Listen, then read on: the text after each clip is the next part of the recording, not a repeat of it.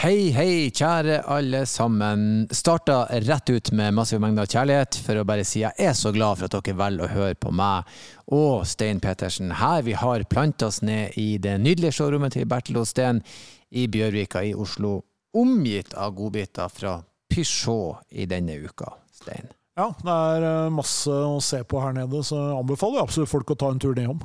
Ja, eh, kronprinsen sin gamle XS er verdt en titt alene. Men eh, fra kongelige til eh, Skal ikke kalle han en eh, bonde, men kanskje en joker av slag. Eh, dagens gjest eh, ja, begynte å kjøre aktivt da han var 15 år gammel. Ja, han begynte å kjøre bil aktivt da han var 15, og gokart fra han var 12, og kjører fortsatt uh, racerbil uh, jevnlig i en uh, alder på rundt 40. Ja, eh, og selv om han har motorsport i blodet, så er han glad i el. Ja, og han uh, tar ut uh, fartsbehovet sitt på, på, bane og ikke på vei, i hvert fall. Ja. Dagens gjest er ingen andre enn Atle Gulbrandsen, som er racingsjåfør, han er biljournalist, og han er ekspertkommentator i Formel 1. Sammen med deg, Stein, faktisk. Det hender. Det var et hyggelig gjensyn for dere to, og en veldig hyggelig bekjentskap for min del. Og jeg håper dere blir å sette pris på praten vår. Det er bare å eh, sette seg ned, streppe seg fast og nyte den.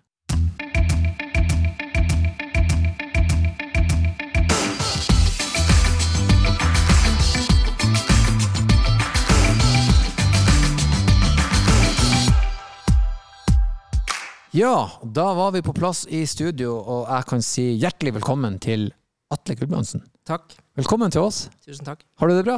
Jeg har det helt fint. Ja, så bra. Er ferien eh, over? Er hverdagen begynt? Nå har jeg litt sånn Formel 1-ferie, som det heter. Fordi Mm. Formel 1-sirkuset, som jeg kommenterer, tar jo en liten ferie i august, som resten av Europa. Mm. Men da er jo vi i gang med jobb og skole og andre jobber og sånn som jeg holder på med. da. Så det er ikke så mye ferie. Men det er, det er noen helger fri, så det er godt. Mm. Jeg tenkte jeg skulle komme inn på det for å plassere deg litt for lytterne. Du er, kommenterer Formel 1, eh, men du kjører, du er racingsjåfør. Eller racingfører. Ja, jeg er jo det, bortsett fra at jeg ikke har kjørt på et uh, par sesonger faktisk pga. korona. Men hadde det ikke vært for det, så hadde jeg i hvert fall vært det fortsatt. Mm. Hva, du, hva du kjørte sist? Du, eh, hva du har kjørt? Siste løpet jeg kjørte, var i oktober 2019. Da vant jeg faktisk, sammen med Møllerbil Motorsport eh, på Nürburgring i Tyskland. Et mesterskap der nede som heter NLS. Stort mesterskap. Så jeg har kjørt på Nürburgring i det mesterskapet siden 2005. Ja. Og håper at jeg skal kjøre der igjen. Vi har en bil som står klar i Tyskland. Alt er klart, men det er litt vanskelig nå med reiser og karantener og smittefare osv. ja, for det er klart, det satt vel en effektiv stopper når koronaen kom for alt innenfor det. Ja, det gjorde jo det. Eh, Så, så den racingen min det er jo ikke noe jeg lever av, Altså, så det er ikke noe stor krise. Jeg, skal, jeg overlever jo at det ikke har vært noe billøp på noen år, eller på et par år nå. Men eh, det var jo også spennende med Formel 1 en stund. Det stoppet jo i mange måneder. Men de kom heldigvis i gang igjen. Og Formel 1-sirkuset ruller videre midt i pandemien. Mm. Ja, og det kan vi jo nevne. Liksom, Formel 1 er jo en sport som har vokst enormt den siste tida, med en interesse som eh, ja, overraska meg. Det vel, vi kan vel kanskje si takk til Netflix for akkurat det. Ja, eh, Hovedårsaken til denne eksplosjonen i interesse som vi opplever Vi har faktisk tidobla seertallene våre på noen løp. Det er Netflix. Det er Drive to Survive. Men det er ikke bare Netflix, fordi Netflix-serien alene kunne ikke ha gjort dette. fordi det vi ser, er jo at folk blir jo sittende og se på løp etter løp etter løp. Og det er jo også fordi løpene er så bra Ja. og så spennende.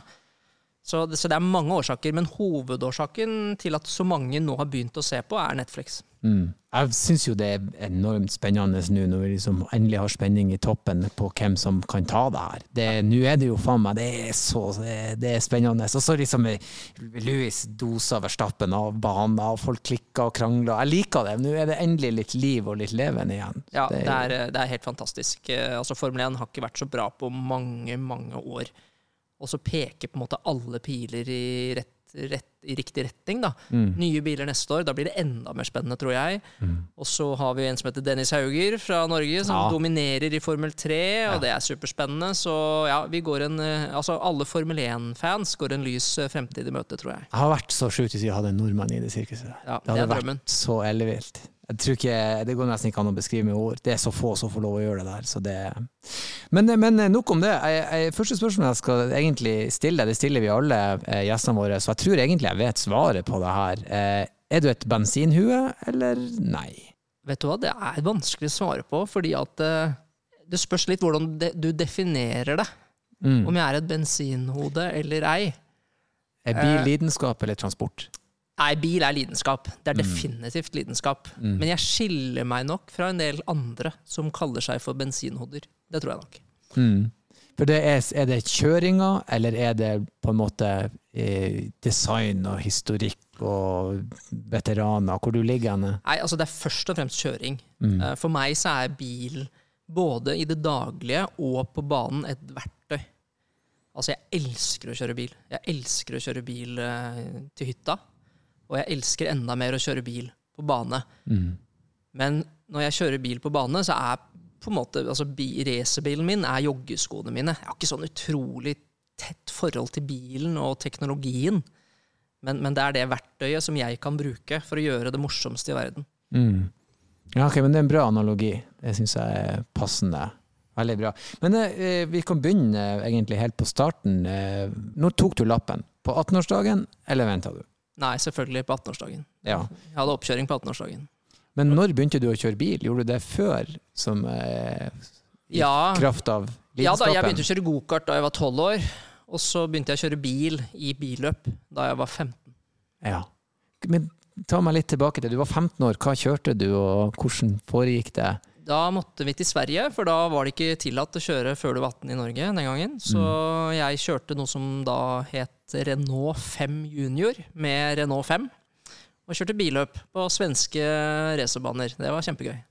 Være, som 15 år må jo være helt nydelig. Ja, ja, ja. Det var, det var, helt rått. Så de gikk jo ikke så veldig fort, i bilene, men for oss da, som var 15, så gikk det jo mer enn fort nok. Men det er akkurat det der eh, de gangene jeg har tatt et eller annet form for sertifikat, så har vi kjørt på bane og sånn. Og det er gøy, for når jeg sitter på banen og kjører Sist gang jeg tok motorsykkellappen, så føler jeg at jeg kjører psyko fort. Og så stopper jeg og ser på de andre og sier sånn Det går ikke fort i det hele tatt. Men, men det er liksom svinger, og det er strekker sånn som man får liksom den følelsen. Så som 15-åring kan jeg godt tenke meg at det må ha vært helt rått. Ja, Samtidig så er det litt eh, Jeg har litt den motsatte følelsen i dag. da. Når jeg kjører på bane og tar på meg en hjelm, så går ting litt i slow motion. Mm. Fordi at uh, man blir etter hvert så konsentrert om de arbeidsoppgavene man skal gjøre, at denne enorme følelsen av fart, den er litt borte, egentlig. Mm. Men hvordan ble det når du skulle kjøre opp? Så har du allerede liksom kjørt bil på høyt nivå. Så sitter en eller annen sånn sjåførlærer og sånn ti på to på rattet. Husk på at rumpa kan slippe, liksom. Hvordan? Det må ha vært rart? Ja, eh, jeg, jeg ble sponsa med førerkort av en uh, trafikkskole på Hamar, hvor jeg vokste opp. Og uh, det ville jo da si at den kjøreskolen de tjente jo ikke noe penger på å ha kjøretimer med meg, så de droppa jo det. Så vi hadde jo bare dette obligatoriske. Så jeg husker at rett før jeg skulle ha oppkjøring, så sa han trafikkskolelæreren at du bør vel kanskje ha en time eller to. Så vi fikk kjørt litt, da. Men det gikk bra. Jeg sto på oppkjøringen, så jeg skulka resten av skoledagen, husker jeg, og kjørte mye bil eh, den dagen jeg fylte 18. Ja, det er en frihetsfølelse, husker jeg, når jeg fikk lappen. sånn, jeg kan dra hvor jeg vil. Mm. Bortsett fra at jeg strøk to ganger, da, som er min eh, lille hemsko. Men uh, hva var første bilen din, Atle? Nei, altså, det var jo Renault 5, da. Den racerbilen. Det var jo den første bilen som på en måte var min. Jeg hadde gokart før det, da, men det telles kanskje ikke som bil. Men hvis du tenker på på gata, så var det faktisk en Peugeot 205. Maken til den som står her? Ja, eh, veldig lik den som står der. Eh, den endte sine dager, riktignok, den Peugeoten, fordi at egentlig så var det mora mi sin, men da jeg fylte 18, så tok jeg vel mer eller mindre over den. Og den var rød, og så var det jo russetid etter hvert. Da. da hadde vi jo en russebil som Det var faktisk ja, På grunn av mine manglende tekniske kunnskaper så satte jeg på uh, hettene feil på templuggene. Uh, så den bilen uh, eh, stoppa før russetida. Så vi trengte en russebil. Og ettersom jeg hadde en rød Peugeot 205, og vi var rødruss, ja. så ble jo det russebil, selvfølgelig. Så den var med på veldig mye rart. Og så flytta jeg til Oslo, fikk meg en annen bil, og mutter'n tok over den Peugeoten, og da tok det bare et par uker, og hun var på vei hjem fra jobben, så tok hele bilen fyr og brant opp. kan ha noe med russetida å gjøre. Mye mulig de henger i hop. Ja, for hva, hva du er du? er 40 Jeg er eh, 41 år, jeg. Ja, for jeg husker 205-en, da vi i sånn samme alder, så 205-en var psyko-populær Ja. i den tida. da, sånn hot hatchback. Og hvis du hadde en 205 GTI, så var du jo helt konge. Gjerne med lite sportsratt, breie hjul og ingen servo. Ja, ja, det det var helt forferdelig å kjøre. drømmebil. Jeg hadde ikke GTI, altså, men det, 205 GTI var og egentlig er fortsatt en drømmebil for meg. Ja, den, den er, hvis du nå skal ha en i godt skikk som er det du vil ha, så er det mye penger plutselig Ja, det vil jeg tro. for en sånn i bra en. Nei, men det, det, er ingen, det, er ingen dårlig, det er ingen dårlig førstebil. Jeg lurer på som, når du, når du liksom levebrødet ditt, eller lidenskapen, du kjører mye bil, eh, du sa litt om det, du liker også å kjøre bil til hytta, men eh, hvordan klarer du enda å være så Altså, som regel det man jobber med blir man litt lei av, men du har enda den lidenskapen. Og så hender det seg at du bare setter deg i bilen for å kjøre en tur, bare for skøy skyld. Nei, ikke så ofte jeg gjør det lenger. Eh, Men, men altså, jeg liker jo konseptet bilkjøring. Både det å kjøre fort på bane, kjører ikke fort på veien, eh, men det å kjøre bil som en idrett, det er min lidenskap. Det kommer det til å være hele livet. Men, men det er ikke det at jeg syns det er så utrolig gøy å kjøre til hytta på et vis, men, men det er denne friheten som personbilen gir meg til å kjøre til hytta, eller kjøre til jobb, og kjøre barna mine på fritidsaktiviteter. Altså, jeg elsker konseptet personbil. Det må jo være en av menneskets beste oppfinnelser. Hvordan føler du dette er kombinert med, med sånn som Oslo er i ferd med å bli? Nei, Det er en utfordring, altså. Så jeg tenker mye på det. For jeg forsøker jo selvfølgelig også å, å være mitt ansvar bevisst og leve miljøvennlig. Jeg, jeg ønsker helt oppriktig jeg, å minimere mine klimagassutslipp så mye som overhodet mulig. Samtidig så ønsker jeg å beholde den friheten som konseptet personbil gir meg. Og den hverdagen, det livet, som, som, som på en måte bilen er en forutsetning for å få til. da. Så det tenker jeg ganske mye på. Eh, hvordan skal vi få til det i fremtiden? At eh, vi kan kjøre bil med god samvittighet. Ja. Eh, Du, du nevnte litt om det, du sa noe om manglende teknisk innsikt. Men eh, hvor går liksom grensa for hva du gjør sjøl med bilen din? Hva fikser du sjøl, og hva setter du bort? Ingenting.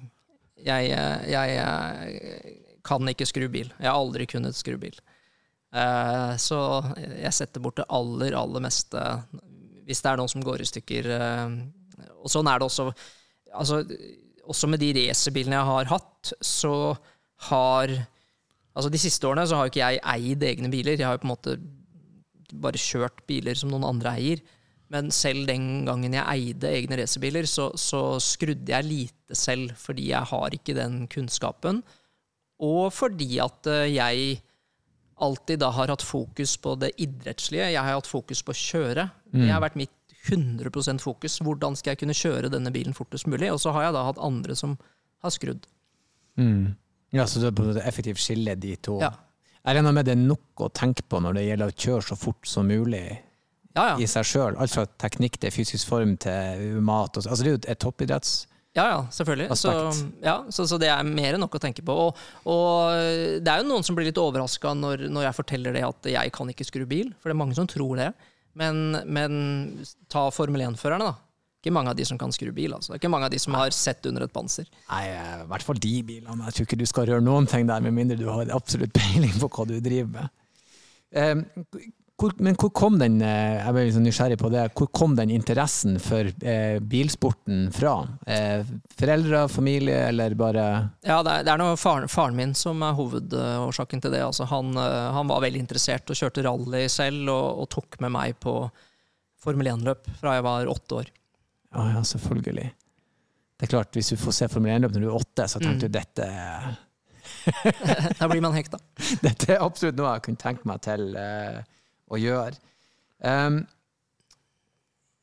du sa noe om lidenskap. Hvordan er du på road rage? Er du en som gjerne eh, går litt i vinkel og kjefter, eller er du forståelsesfull overfor andre førere? Jeg forsøker å være forståelsesfull, altså. Og, Du ler, Stein her, Anne. Har du vært med på noe der, Stein? Nei. Stein og jeg vi jobber jo sammen med Formel 1, så vi har jo kjørt en del bil sammen. Men eh, nei, jeg tror ikke at jeg er så ille der. Jeg, jeg lar meg sjelden hisse opp over andre bilister. Det som jeg kan la meg hisse opp over, det er en del eh, norsk veistandard som jeg syns er dårlig. For dårlig.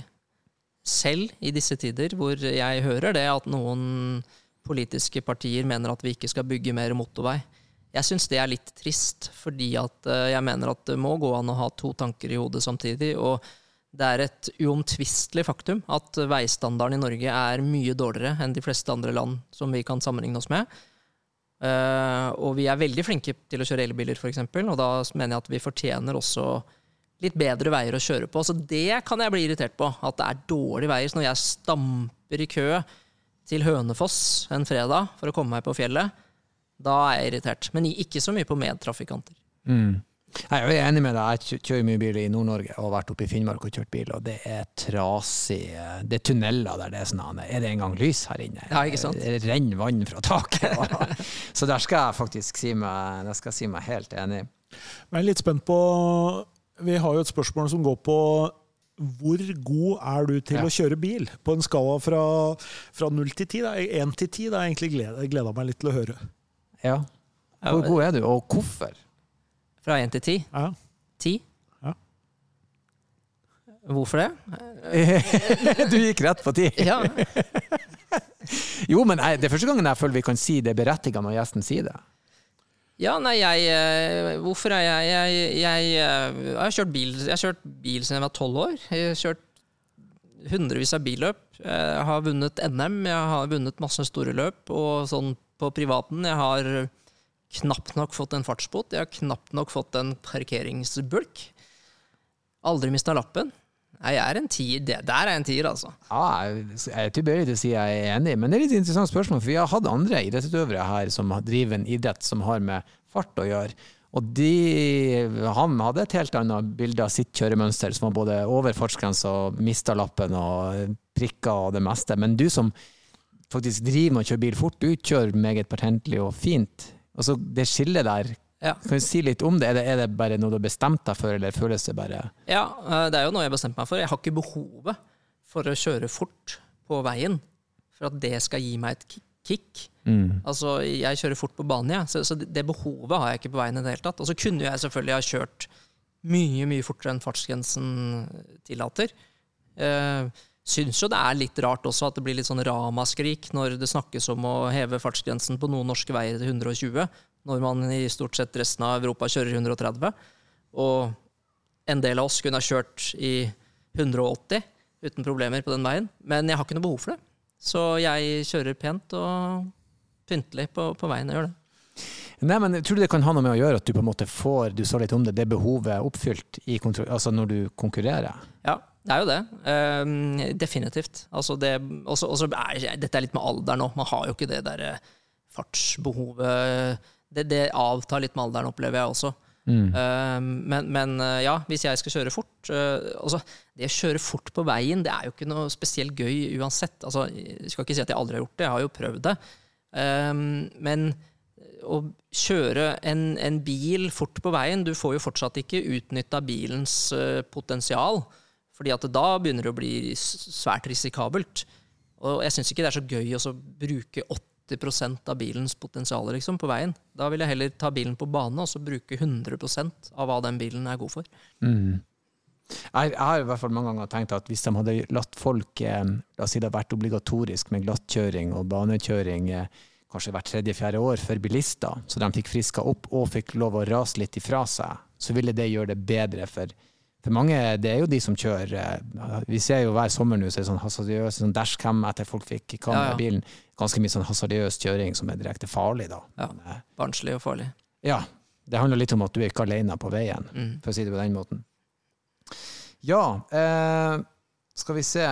Nå er jo vi i en litt annen situasjon. Vi bruker å prøve å gjette bil på gjesten. Men du og Stein eh, jobber i lag, kjenner hverandre, så han vet hvilken bil du kjører. Ja. Så nå skal jeg da prøve eh, og finne ut av det. Stein er med meg på spørsmålssidene, så skal jeg heller bare prøve å lytte litt. Eh, og siden jeg er på egen hånd, så skal jeg stille første spørsmålet sjøl. Skal jeg gjøre. Og jeg skal, eh, jeg skal bare gå rett inn og bare spørre hvilken egenskap er det du liker best med bilen din? Privatbilen min eh, liker jeg at den er eh, trygg. En trygg bil. Sender meg jo litt i retning av Sverige. De er jo kjent fra trygge biler. Vi får se. Sverige skal se Kina, må jeg vel si. Skal ikke konkludere enda. Det første spørsmålet. Uh, ja, Stein. Jeg kan jo spørre hvilket segment da plasserer du bilen i? Er det, liksom, er det premium? Er det, er det luksus, eller er det mer fornuft som ligger til grunn for bilvalget? Det er uh, bindinger. Bindinger? Snakker vi relasjoner? Spons? Relasjoner, ja. Spons? Det er vel mer riktig ord. Ok. Um, det, det ga meg jo i absolutt ingenting å jobbe med. Men det er en, det er en bil i, som, som mange vil kalle for premium. Det er det. Og vi se, premium, da skal vi legge den der. Uh, Og det er en bil jeg sannsynligvis hadde valgt uansett. mm. Ja, for du liker bilen. Jeg liker, eh, jeg liker det merket. Det er, vet du hva? det er litt vanskelig å svare nå også, fordi at eh, jeg står midt i et bilbytte. Faktisk. Jeg får en ny bil eh, nå om en uke eller to, men jeg har egentlig Jeg forholder meg til den bilen jeg har. Og så kan jeg heller avsløre den bilen jeg skal bytte til etterpå.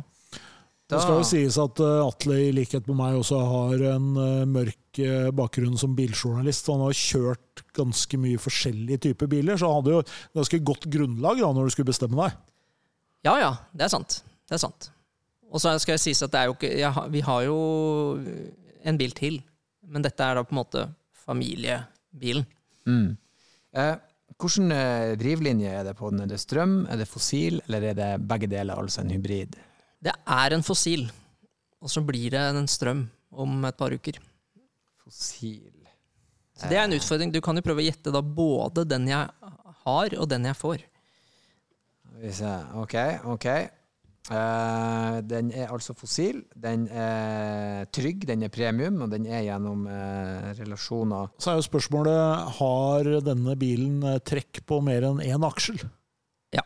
Fire ganger fire, og da snakker vi som regel SUV hvis vi snakker trygghet. Ja, det er ikke, ikke SUV i ordets rette forstand. Det er det ikke. Er det en sånn her en tullesuv, da? En sånn sports Uh, Ser høy ut, men Spørsmålet er om en SUV er mer tullete enn Ja. Alter- alternativet. egentlig helt riktig. Det. SUV-en er bare tull. Jeg kan avsløre at Atle har hund. Ja, det har jeg fått, da. Skal vi se. Uh, skal vi se. Hvorfra i verden er det denne bilen din kommer? Snakker vi en amerikaner, eller er vi på en europeer? Tyskland, eller? Den er tysk, ja. Den er tysk. Og da glis Stein. Um, tysk. Da, da, er, da snakker vi jo en av de tre. Eh, det er vel Audi eller Mercedes. Jeg tror ikke det er en Opel. For da er vi ikke på premium. Beklager Opel, men sånn er bare verden litt. Ja, har gode relasjoner til Stein. Ja, Hold relasjonen til meg. eh, Ja, da, den skal Det kan jobbe holde han Begge dere to skal prøve det. Jeg har noen få spørsmål igjen, jeg tror jeg lurer på om jeg skal prøve meg på en um, Hvis han er fossil Kjører du Mercedes? Nei, Da kjører du Audi. Det gjør jeg. Audi. Eh, da kjører du en eh, A6, vil jeg tro. Nei. Men tampen brenner. Ja, tampen brenner veldig, altså. Det gjør den. Hmm. Eh, jeg skal ikke si noe på Q, da, da skal jeg holde meg i A-segmentet. Eh, det kan være en A4, det er jo en liten stasjonsvogn. Og det kan være en sånn her eh, allroad A4. Det er helt riktig. Audi A4 Allroad. Ja. Men uh, gjett hvilken bil jeg da får om et par uker. Den er elektrisk, Ja. det vet vi. Uh, er vi i samme verdensdel som Audien? Ja, ja. Ja, det er jo, jeg er jo frista til å si at du fortsetter din relasjonsbygging, så da snakker vi vel en uh, Audi sin den E-tron Q4. Det er helt riktig. Ja. Ja, Helt god, riktig. Erlend. Altså, etter en veldig svak runde som vi hadde med forrige gjest, så må jeg si at uh, dette her har vært, uh, har vært så sterkt. Jeg har tårer i øynene. Ja, vi tenkte vi skulle nevne for alle våre nydelige lyttere at det er mulighet å komme og kikke i showrommet her vi sitter og spiller inn podkasten vår, og spesielt i disse dager, Stein. Ja, nå i august og september så er jo Peugeot i showrommet til, til Bertil Osten i Bjørvika, og her er det jo litt forskjellig å se på. Ja, det er mye snadder her. Her er jo eh, kronprinsen sin eh, 205 XS utstilt, som er en bil å få med seg i seg sjøl. Ja, og så har vi jo en uh, moped fra 1939. Ja. Og den eh, var antageligvis ganske dyr da, selv om det ikke høres sånn ut i dag. Ja, 720 kroner i 1939. Da hadde du en portemonee med gullås på, for det var ikke for alle. Den er faktisk noe med det, den skvettlappen på den forskjermen der er det kuleste jeg har sett. Jeg vil ha med meg den skvettlappen hjem. Og så er jo i tillegg eh, Peugeot 2008 her, terningkast 6 i VG, og vi har eh, årets bil Peugeot 208. Og ikke minst eh, en ordentlig godbit for de som er glad i litt sport. Ja da, vi har en Peugeot 508 PC, Peugeot Sport Engineered, og det er jo en av de råeste hybridene som eh, ruller på veien om dagen. Så hvis du har hørt eh, meg nevne showrommet i Bjørvika mange ganger og tenkt hvor er det egentlig, så ta turen over og se på det vi har utstilt her. Her er mangt å få med seg.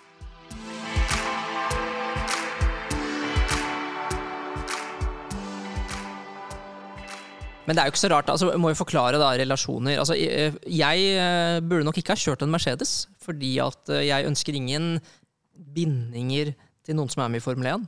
Mm. Det hadde ikke vært riktig. Men eh, jeg har kjørt Audi i racing siden 2005 for Møller Bil Motorsport, Ja. som jeg har et kjempegodt forhold til. Så derfor så kjører jeg også Audi på gata. Så det er forklaringen. Men det kan godt hende jeg hadde valgt Audi uansett. altså. Ja. Det er jo liksom faktisk en liten fun fact at jeg har jo truffet deg før uten at jeg Ja, husker det, men det må jeg forklare. For jeg hadde så mye adrenalin i kroppen at jeg huska kun hun, sjåføren og den bilen. Mm. Og hun kjørte altså så styggfort og bra. Hun kjørte en uh, RS, RS4. RS4 på isbane oppe på um, Gol. ja, på Gol.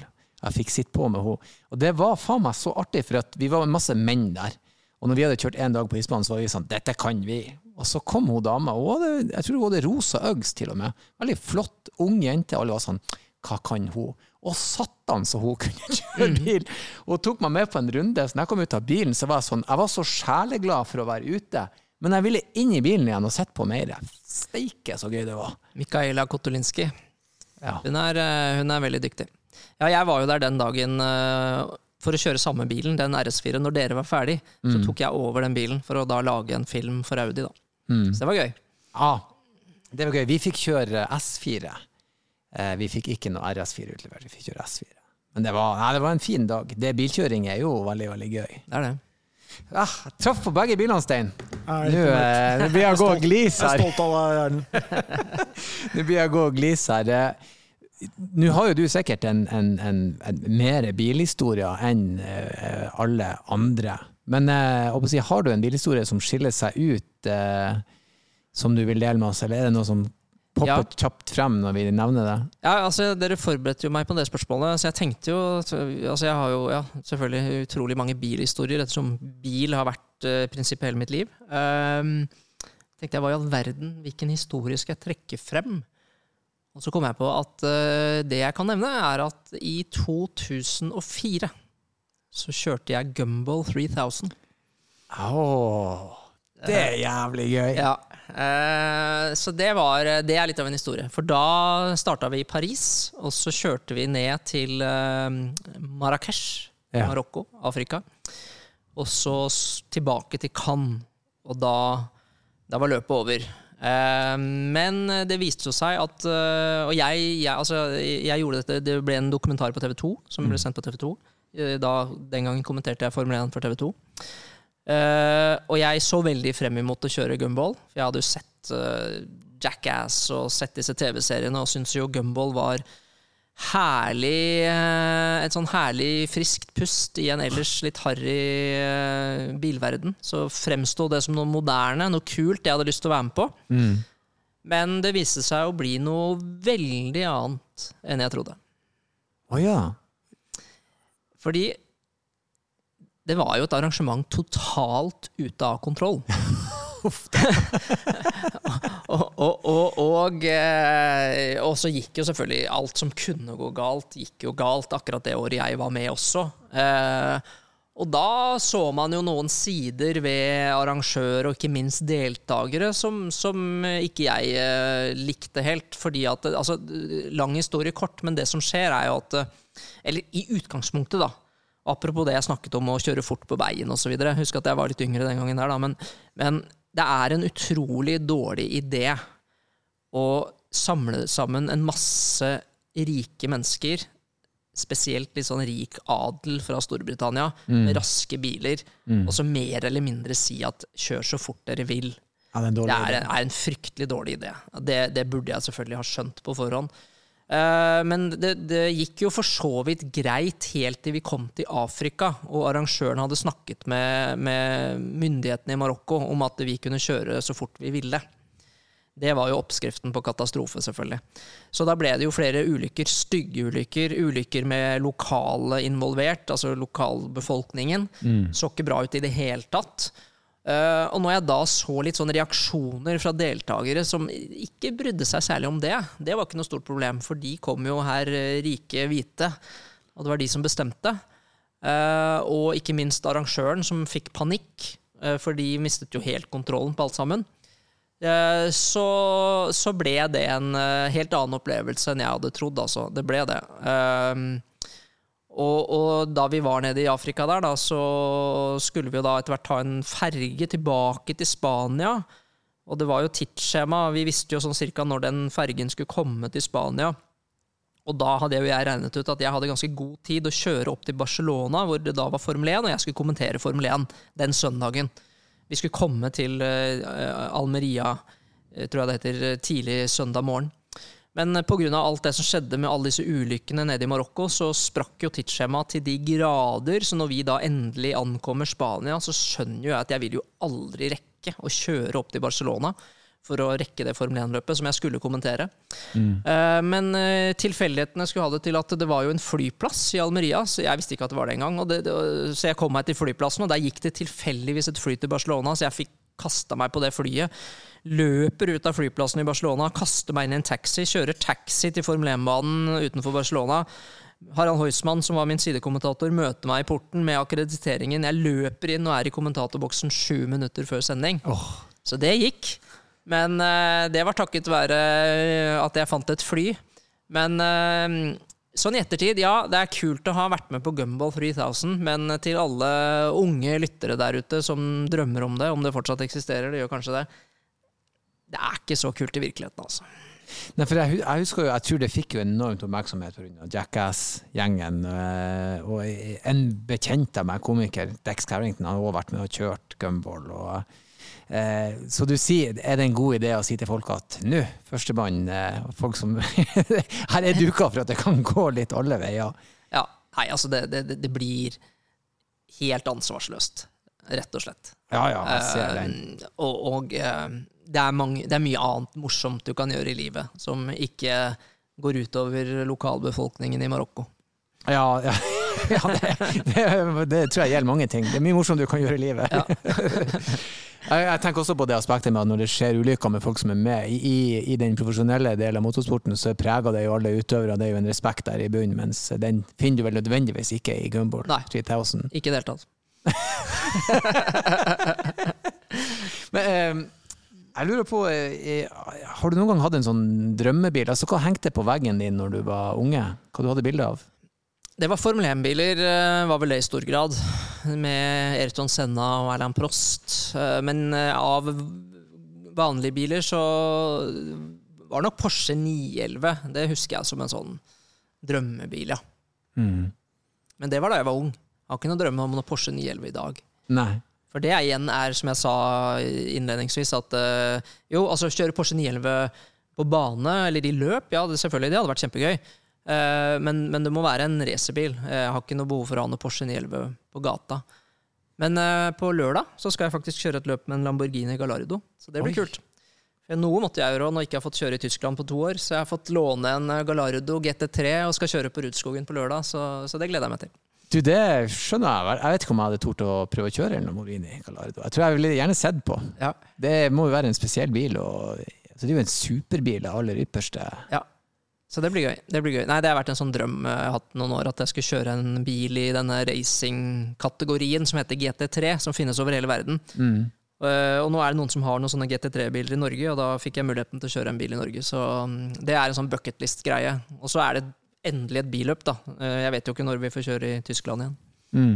Mens, vi, mens jeg har deg inne på drømmebiler og bucketlist, eh, sett at du, eh, at du hanka inn storpotten i Eurojackpot, og det trilla inn 953 millioner kroner på konto.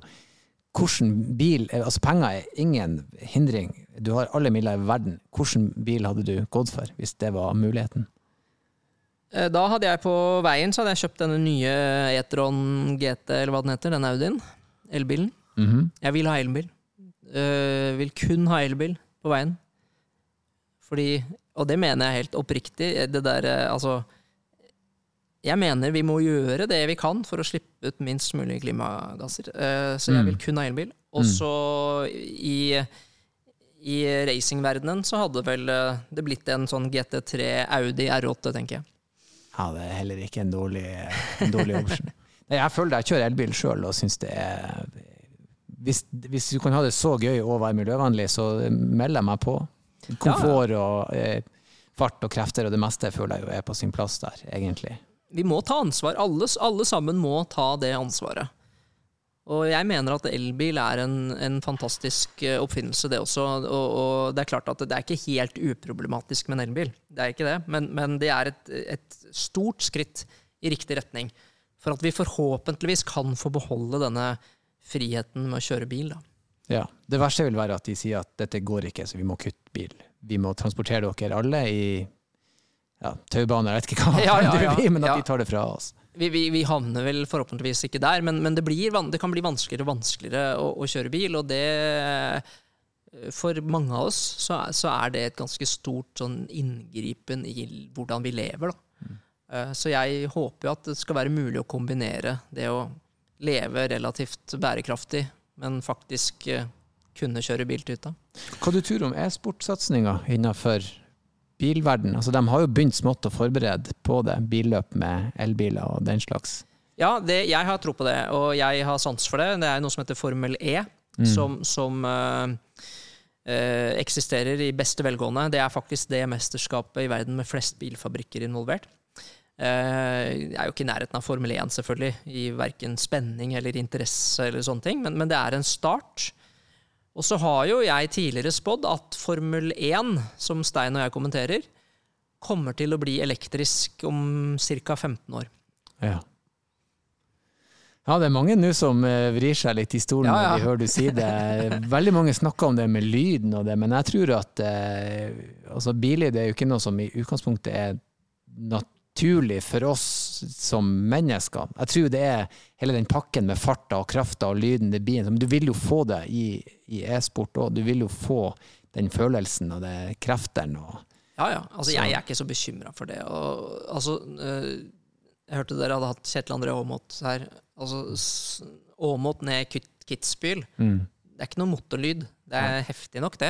Oh, ja. Så, så jeg tror at dette er noe måte vi har, har vent oss til. At det skal være, og, og jeg sier jo ikke at det ikke er heftig med lyd i Formel 1, og ikke minst den lyden vi hadde med V12 og V10 og V8 for den saks skyld. Det var, det var helt fantastisk, det. Men lyden er ikke det viktigste, syns jeg. Altså, det viktigste er jo at det er god racing, at det er spennende løp, at bilene går fort. Og det vil man gjøre med elbiler. Uh, og så er det jo selvfølgelig helt umulig å spå fremtiden. Så jeg vet jo ikke hvordan fremtiden blir, men om det er sånn om 10-15 år at stort sett alle biler som selges i verden er elbiler, så ser ikke jeg noe, noe annet alternativ for Formel 1 enn at det også er elbiler. Mm. Men jeg tror ikke det vil gjøre noe. Formel 1 vil fortsatt være like heftig. Jeg vet ikke, hva Er du enig, Stein? Snakker jeg bare tull her nå? Nei, nei, nei. nei men det, det går jo den veien, og det er jo sånn motorsport har jo alltid, motorsport har jo alltid vært sånn. eh, altså langdistanseracing, der eh, kjørte man jo med diesel, og det var jo for å utvikle dieselmotorer når det var aktuelt, på samme måte som man hadde utvikla bensinmotorer. Så kom hybrider, det har jo Formel 1 vært en kjempeeksponent for når det kommer til å utvikle effektive hybridmotorer som, eh, som både sparer drivstoff, men selvfølgelig også gir den derre kjøregleden som du har i en del moderne hybridbiler i dag. og Det samme kommer til å skje med elektriske biler, det er ikke noen tvil om det. Mm. Uh, bare sånn liten digresjon, men litt av det samme. Jeg sto i går nede på Aker Brygge med familien, og så kom det en kar på en sånn eh, oransje elektrisk eh, Harley. Bare sigende. Og det var heftig, altså. Mm. Det var ikke noe lyd der, men den var jævlig tøff. Jeg syntes det Mm. så kult ut, og jeg tenkte at jeg kjører motorsykkel, og jeg hadde ikke sagt nei til den der. Den Nei. så psyko kul ut. Og han fyren så enormt kul ut. Da. Det. Så han tikka liksom alle boksene. Og så er jeg jo enig, jeg tror jo at Og så er det sånn at si, ungene mine vil jo ikke ha det forholdet til bil som jeg har. De vil jo se en elbil og tenke Ja, ja. den er rask, den er heftig, den er så er det, Og vi må jo gjøre det for å komme oss noen vei. Så når vi snakker om bucketlister, altså, så, så samler jo Atle på noe som ikke krever så mye skapplass, men som jeg tror gir ham stor glede. Ja, det er riktig. Jeg eh, samler ikke på frimerker, men jeg samler på racerbaner. Ah, Så eh, og det gjør jo at eh, jeg får sett mange rare steder i verden, da, fordi at jeg oppsøker jo noen ganger disse racerbanene for å få kjøre på dem, og ikke minst hvis jeg er et sted, så sjekker jeg jo alltid på forhånd er det en racerbane i nærheten, og så hender det at jeg tar kontakt da, med de som eier den banen og spør om jeg kan få kjøre et par runder. Og, og for at en bane skal være i min samling, så må jeg ha kjørt den. Eh, Det må ikke være med en racerbil, helst det selvfølgelig, men eh, med leiebilen fungerer også. ja. Så hvis jeg får et par runder da rundt banen, så er den på lista. Så hvis du er på ferie med familien, så bare sier du vi må innom her, så jeg får kjøre. Nei, jeg sier ikke det. Jeg, vi er på ferie, og så sier jeg 'oi, her var det en racerbane, gitt'. Og så Oi, å, han står og venter på meg, gitt! Ja. Oi sann, jeg det en bil, så Ja, ja. det var veldig rart. Og dagen etter var det en ny bane. Helt tilfeldig. Kjører alltid bortom Ja, bare tilfeldigheter, selvfølgelig. Nei da, men eh, det er gøy, det. Så, da, så det er liksom hobbyen, da. Så huka flest mulig racerbaner, ja. Ja, Men det er jo fantastisk å ha en hobby som samfaller så mye med lidenskapen og Ja. interessen og det meste. Um, før vi eh, jeg håper å si, lar deg gå, så eh, vi har jo påberopt oss litt å være eksperter i denne podkasten her. Så hvis du har et eller annet bilrelatert problem og eller spørsmål Det Ja. trenger ikke å være teknisk, det kan være følelsesmessig, det kan være eh, hva som helst. Eh, så nå er tidspunktet. Ja, jeg tenkte på det, det spørsmålet også. Hva, hva er det jeg lurer på? Det er, er ikke stort det jeg lurer på, egentlig, når det gjelder eh, min egen bil. Men da kommer jeg på et annet spørsmål som dere skal få lov til å hjelpe meg med. Hva skal da til for at vi om noen år, eller i neste uke for den saks skyld, kan kjøre bil med helt ren samvittighet? Ja, Erlend, vil du starte? jeg, er- jeg, er- jeg er veldig opptatt av det. Jeg kildesorterer og prøver å være ikke sant, han fyren. Eh, jeg òg skjønner jo at det å lage min elbil er ikke utslippsfritt. Eh, jeg vet at det er veldig mange som prøver å bruke eh, materialer fra resirkulering og sånn type ting. Hvis vi snakker om å kjøre bilen sjøl, så tror jeg ikke den løsninga kommer i neste uke, men jeg tror den kommer eh, kanskje ikke så langt unna som vi tror. Jeg tror det første vi må gjøre som mennesker, det er å akseptere forandring. Og det er det vanskeligste om det er eh, faktabasert. Folk er ikke glad i forandring. Vi kan gjerne kjøre rundt i ting som er dritt, eh, men vi er redd for det vi ikke vet, for vi vet hva det er for noe. Så det er det vanskeligste nå med det grønne skiftet, det er at folk eh, aner eh, forandring, og så blir de litt redd. Og så må vi gi avkall på en del ting. Vi, vi kan ikke si at jeg skal kjøre bil, men jeg skal også til Syden fire ganger i uka og ta fly. Da må vi skjønne at ok, her må du Kanskje hvis du reiser alternativt, går det an å ta tog? Går det an å ta båt? Er det noe du kan gjøre for å begrense? Vi må gi avkall på en del ting. Kanskje må vi endre spisevanene våre også. Eh, men jeg er ganske sikker på at vi kommer til å komme dit. En sånn enkel ting er I Bodø har vi fått elbusser nå, og jeg elsker de. De er nydelige når de kommer, stille og rolige. Og jeg vet hva buss lukter ikke godt. Det høres ikke godt ut. Eh, eh, sånn racinglyd og bensin, det kan lukte litt digg, Ja, ja. men buss er bare dritt. Og, og det har gått fint. Folk stusser, blir aldri kunnet kjøre. Så mitt svar er der eh, vi må gi avkall på en del ting, og så må vi akseptere forandring. Men det, også, det høres så enkelt ut, men det er psyko-vanskelig. Utfordringen er jo at vi er jo tre hvite middelaldrende, noen av oss mer middelaldrende enn andre, men likevel menn. Eh, og det er klart at eh, det er veldig lite vi kan gjøre uten å ha dårlig samvittighet, egentlig. Sånn at jeg tror det blir vanskelig å, å kunne virkelig kunne kjøre bil med god samvittighet. Men uh, antageligvis er løsningen å kjøre litt mindre bil enn mm. det vi gjør, og selvfølgelig uh, velge litt andre, litt andre transportformer. Kanskje også rett og slett reise litt mindre, eller velge litt mer de reisene vi, vi, vi tar. Da. Mm. Uh, men det er klart at hvis du kan, uh, hvis du kan gjøre den, den, bilen, den elbilen din, den er jo produsert som du bruker den på hytta annenhver helg eller hver helg i et land hvor vi produserer stort sett strøm fra vannkraft, og sånn, så er jo det kanskje et, et mindre avtrykk da, enn det vi er, er, kjent med. Men jeg tror som du sier, jeg tror alle må tenke litt igjennom hva de gjør, og, og hvordan de gjør det, og hvor, hva som er viktig. Så må man eh, prioritere litt, da, rett og slett. Prøve å unngå det mest. Eh, men, men du vet, når du bor i verdens rikeste land, og du har det egentlig altfor godt i utgangspunktet, ja. så er det ikke så dumt å ha litt dårlig samvittighet heller. fordi eh, det gjør i hvert fall at du kanskje tar ut litt grann avstand da, i forhold til hva du ville ha gjort ellers. Ja. Men det er jo som du sier, at vi, altså vi alt, eller det meste vi gjør, kan vi jo på en måte ha litt dårlig samvittighet for. Om det er å kjøpe mat eller kjøpe klær, og stort sett alt forurenser på et vis. Eh, jeg håper jo, og det er jeg jo helt sikker på at de gjør også, men at, at f.eks. dekkbransjen da, jobber eh, med tanke på mikroplastproblematikken. Mm. Eh, at vi jobber med hvordan vi lager asfalt med tanke på svevestøv. For det er på en måte litt det som, Når det gjelder bruk av elbil i Norge, hvor vi har så ren strøm, så er det litt, da er det det som nå er argumentet blant La meg få lov til å kalle dem bilmotstandere, for det er etter min oppfatning en del bilmotstandere der ute. Og når vi da etter hvert løste problemet mer eller mindre med fossilt drivstoff og kom med elbiler, så dukker det opp nye problemer. Og det er da f.eks. mikroplast og svevestøv. Og ja, mm. det er problemer.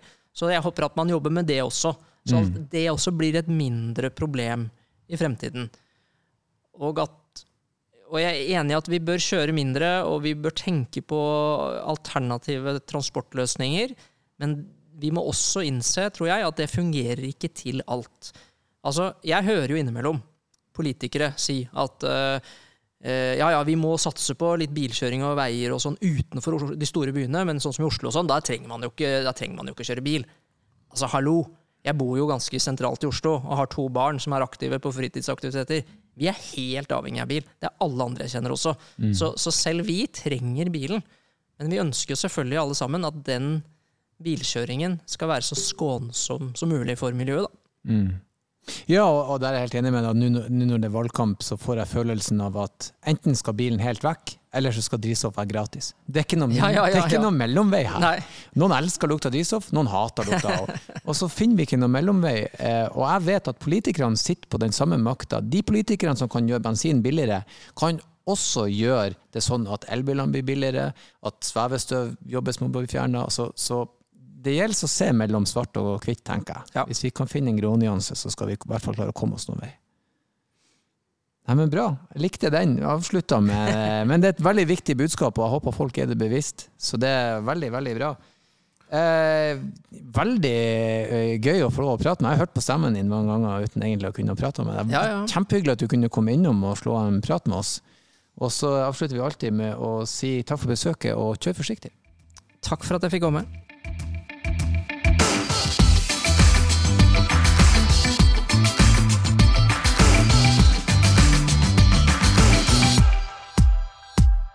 Og helt på slutten så kommer jeg inn med noen siste ord, folkens. Vi håper dere likte episoden. Og hvis du har spørsmål til oss du vil vi skal ta opp med vår gjest, eller om du har gjester du vil vi skal ha, eller du bare vil gi oss ris eller ros, så send det endelig inn til bakrattet.bos.no. Det var bakrattet.bos.no. Tusen takk for at dere lytta. Jeg elsker dere for det. Og som alltid, kjør forsiktig.